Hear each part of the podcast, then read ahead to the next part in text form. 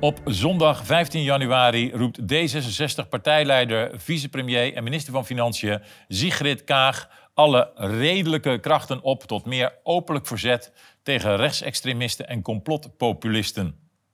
Ze deed met name een appel op leraren, politieagenten en journalisten. Ze bedoelt dus meer openlijk verzet tegen mensen zoals ik, die niet meegaan met het narratief die kritisch zijn en zich, niet, en zich uitspreken tegen de waanzin die de afgelopen jaren over ons is uitgestort. Zelf vind ik mij vallen onder de redelijke krachten, waar Kaag nu een beroep op doet. Ik moet dus ageren tegen mijzelf. Dat is best lastig. Hé hey Ad, waarom heb jij toch van die rechtsextremistische ideeën? Waarom luister je niet gewoon naar de overheid? Waarom volg je niet het narratief? Waarom doe je niet gewoon mee? Laat je toch vaccineren, man. Zet toch ook een mondkapje op zegt dat de zeespiegel stijgt en vindt het digitale koningin Maxima geld een goed idee. En last but not least, papper met je Oekraïense vlaggetje. Maar dit zit niet in mijn karakter. Ik ben geen meeloper. Zeker niet van aantoonbare leugens. Ik denk liever zelf. Als kind stelde ik tot vervelend toe de waarom-vraag. Ik volg mijn intuïtie en de kennis die ik de afgelopen 65 jaar heb opgedaan. Kennis uit boekjes, maar vooral ook kennis van de straat mensenkennis, kennis van macht, kennis van geld en grote geopolitiek. Ik ga mijzelf niet verdedigen tegen de aantijgingen, aantijging rechtsextremist. Ik voel mij niet aangesproken.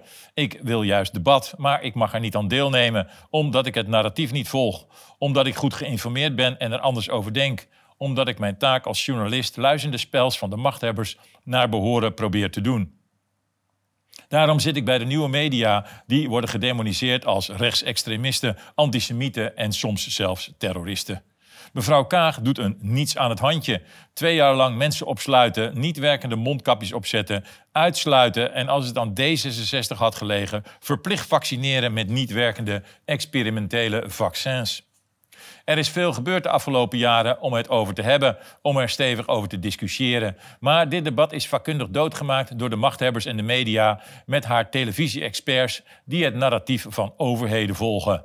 Iemand die kritiek heeft, die een open debat wil, is antidemocratisch en een rechtsextremist. U kan de burgers wel oproepen om zich te verzetten, mevrouw Kaag, maar waartegen moeten ze zich verzetten? Veel mensen voelen dat het narratief over corona en vaccinaties niet klopt, dat vragen stellen niet wordt gewaardeerd, dat je wordt uitgesloten van het debat als je er anders over denkt, dat je zelfs je baan kan verliezen.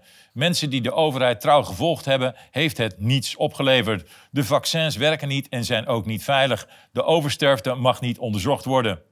U kunt wel roepen, spreek ze tegen, maar vragen stellen wordt steeds relevanter. Meer en, meer en meer mensen zien dat de overheid ze heeft voorgelogen. Dat ze het eigenlijk wel eens zijn met de mensen die er vragen over stellen. Ze komen erachter dat een overheid niet altijd je vriend is. Dat een overheid kwaadaardig kan worden. De geschiedenis heeft dit al meerdere malen uitgewezen. Een overheid moet altijd onder strenge controle blijven. Dat is nu weer eens uit de hand gelopen.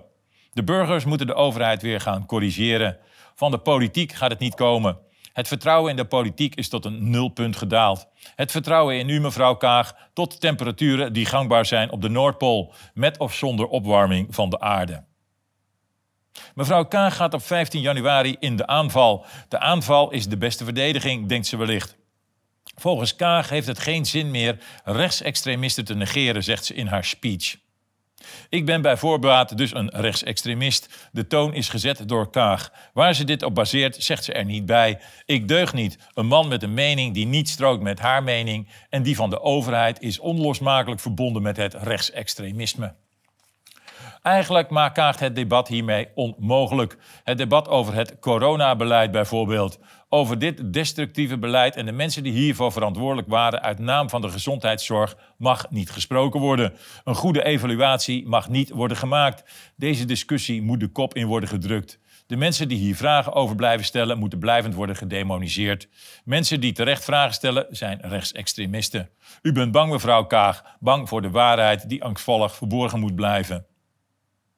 Maar u vergeet één ding, mevrouw Kaag. Er komen steeds meer mensen die er vragen over blijven stellen, die zich in de maling voelen genomen, die om, om zich heen mensen zien omvallen. U wil de werkelijkheid onder het tapijt vegen. De echte discussie mag niet gevoerd worden. Waarom moesten mensen niet werkende mondkapjes op? Waarom moest de avondklok worden ingevoerd? Waarom is er aangestuurd op verplichte vaccinatie door met name uw partij D66? Nam je geen vaccin, dan werd je uitgesloten van deelname aan die maatschappij. Waar hebben we dit eerder gehoord? Nee, Kaleman, niet over de Tweede Wereldoorlog beginnen. Nooit ingaan op de inhoudelijke argumenten van mensen die er anders over denken, is de klassieke manier van discussiëren door weldenkende, beschaafde mensen van D66. Zet tegenstanders weg als complotgekkies, rechtsextremisten, antisemieten of terroristen en je hoeft niet meer met ze in discussie. Het zijn allemaal mensen die een gevaar vormen voor de inclusieve, beschaafde, tolerante, democratische samenleving. Maar deze methode is uitgewerkt, mevrouw Kaag. Er moet worden ingegaan op de inhoud, of u dit nu leuk vindt of niet. U komt niet meer weg met mensen wegzetten, al was het maar omdat het er steeds meer worden. De leugens over corona worden ingehaald door de werkelijkheid. U bent bang voor iedere discussie. U gelooft alleen uw eigen waarheid. U wil de werkelijkheid onder het tapijt schuiven. De pot verwijt de ketel. U bent het gevaar voor de democratie. We leven in een omgekeerde werkelijkheid wereld. Maar steeds meer mensen geloven u niet meer. U zult het inhoudelijk debat met mij en anderen die zich, die zich ook niet weg laten zetten als rechtsextremisten aan moeten gaan, of u dit nu leuk vindt of niet. Een debat niet alleen over het misdadige corona- en vaccinatiebeleid, maar ook over migratie, klimaat, gender, digitaal geld en natuurlijk over de oorlog in de Oekraïne. U vertelt slechts één kant van het verhaal, gesteund door de media, betaald door de staat of in handen van miljardairs. De media is een propagandamachine geworden van uw gedachtegoed. Maar de mainstream media doen er steeds minder toe. Steeds meer mensen voelen dit aan. Zo zal er ook een evenwichtig debat moeten worden gevoerd over de oorlog in Oekraïne. De rol van de VS en de NAVO mag niet buiten dit debat blijven. Ik heb er al veel over gezegd in eerdere columns en wil niet in herhaling vallen. Ik wil het over u hebben, mevrouw Kaag. Al hou ik er eigenlijk niet van om op de man of vrouw te spelen. Maar u vraagt erom na uw uitspraak op 15 januari. Net als hoogleraar Wim Voermans erom vroeg na zijn karaktermoord op zijn voormalige collega Reisa Blommestein. Eigenlijk wilt u helemaal geen discussie voeren, mevrouw Kaag. U voelt zich verheven boven anderen, verheven boven mij. U weet het beter. U voelt zich superieur. U heeft het goed voor met de wereld. Wel, met uw wereld natuurlijk. U bent onderdeel van een modane, moda, mondiale westerse elite. In de week na 15 januari vloog u in een privéjet naar het World Economic Forum in Davos, een niet gekozen club die voor een groot deel het beleid in Nederland bepaalt. Rusland en China waren niet van de partij. Het zijn de landen waar regeringen het nog voor het zeggen hebben. In het Westen zijn het de miljardairs en hun stichtingen. Het Westen is veranderd in een oligarchie waarin u een klein radartje bent. Agenda 2030 van deze club wordt momenteel in Nederland uitgerold. Hierover duldt u geen enkele tegenspraak. Dat vindt u maar vervelend. Deze geheime agenda mag niet te veel in het licht komen te staan. De mensen die erover berichten moeten worden weggezet als complotpopulisten. De politiek moet haast maken met de wet politieke partijen, die het mogelijk maakt om ondemocratische partijen makkelijker te verbieden, zegt u in uw speech. Ondemocratische partijen, wat zijn dat? Is een partij die honderdduizenden mensen vertegenwoordigt en uw agenda kritisch tegen het daglicht houdt ondemocratisch? Het blijft onduidelijk. En waarom, en waarom eigenlijk deze haast? Heeft u iets te verbergen? Krijgt u te veel tegenspraak? Worden de vragen te ongemakkelijk? Komt de ondemocratische agenda 2030 te veel in het licht te staan? Wilt u geen verantwoording afleggen aan de bevolking voor het inspuiten van miljoenen Nederlanders met een experimenteel vaccin, waarvan de gevolgen op langere termijn niet te overzien zijn? Wilt u geen verantwoording afleggen waarom u steeds meer wapens naar de Oekraïne wil sturen? U, die lang heeft gewerkt als diplomaat, moet toch weten dat diplomatie, onderhandelingen, de enige manier is om een conflict te beëindigen. U vraagt burgers zich te verzetten tegen mensen zoals ik die vragen stellen. Ik vind het prima. Ik ga graag in discussie met leraren en politieagenten. Sterker nog, ik ga vrijwel iedere dag in discussie met boeren, burgers en buitenlui. Ik hou niet mijn mond. Dat is democratie. Debat voeren, mevrouw Kaag. U mag zeggen wat u wilt. Ik maak u nergens voor uit.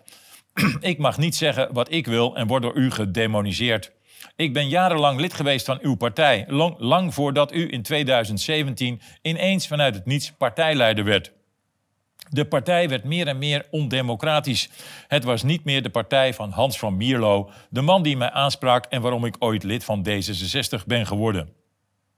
Steeds meer mensen willen antwoorden op vragen die, die niet gesteld mogen worden van u. Mensen willen onderzoeken naar de oversterfte. Mensen voelen zich voorgelogen over vaccineren. Waarom heeft de staat zo actief campagne voor de vaccins gevoerd met ons eigen belastinggeld? Waarom heeft de staat er niet evenwichtiger over bericht? Daar moet duidelijkheid over komen. Dat kan niet goed worden gepraat met dooddoeners als we wisten het ook niet. Nee, mevrouw Kaag, er is keihard op de man gespeeld. Ik en mijn kinderen zijn uitgesloten van deelname aan de maatschappij, omdat wij onze lichamelijke integriteit belangrijker vonden en zelf bleven nadenken wat er nu precies aan de hand was. Zoveel mogelijk mensen vaccineren was een politiek doel. De maatregelen hadden niets te doen met de volksgezondheid. Mensen vragen zich ook steeds meer af waarom er zoveel geld naar Zelensky en de Oekraïne gaat. Het land dat tot voor kort bekend stond als een van de meest corrupte landen ter wereld. Het wapperen met een vlag uit Oekraïne is uitgewerkt. U komt er niet meer mee weg om die discussies niet te voeren en mensen weg te blijven zetten als rechtsextremisten en complotpopulisten. Uw methode is doorzichtig en uitgewerkt, mevrouw Kaag. De staat is de laatste drie jaar zelf extremistisch geworden. U bent extremistisch geworden. Discussie, open debat, een andere mening, of het nu een mening van een wetenschapper, een cabaretier of een journalist is, mag niet gehoord worden. De demoniseringsmethode heeft goed gewerkt. Ik ben gedemoniseerd, met de dood bedreigd en buitengesloten omdat ik geen vaccin nam en mij, over, en mij hierover uitspreek. Maar het tij is gekeerd. Steeds meer mensen zien dat ze tegen elkaar zijn uitgespeeld en voorgelogen door hun eigen overheid met gevolgen die nog niet te overzien zijn. Het vaccin waarvan niemand weet wat het op langere termijn uitspookt in je lichaam, gaat er nooit meer uit. Daarover mag nooit gezwegen worden. Het is een olifant in de kamer die langzaam in beweging gaat komen. Het is een trauma. Trauma's moeten worden uitgesproken, anders is het onmogelijk om samen als maatschappij verder te gaan. Hoe durft u in uw oproep mensen schaamteloos nog verder tegen elkaar op te zetten? Ik trap er niet in. Doe niet meer mee met uw polarisatie. Ik blijf de vragen stellen die ik moet stellen. Mij wegzetten als rechtsextremist of complotpopulist gaat niet werken. Ik spreek mij al bijna drie jaar uit, inmiddels namens steeds meer mensen. Als u zichzelf nog serieus wilt nemen en bijvoorbeeld nog de ambitie heeft om premier van Nederland te worden, premier van alle Nederlanders wel te verstaan, zult u een serieus inhoudelijk debat aan moeten gaan met de mensen die kritiek hebben op de vaccins, Big Pharma, de rol van de media, de oorlog in de Oekraïne, de migratie, de klimaathysterie, digitaal geld, de eliminatie van de boeren en de vissers en vele andere onderwerpen.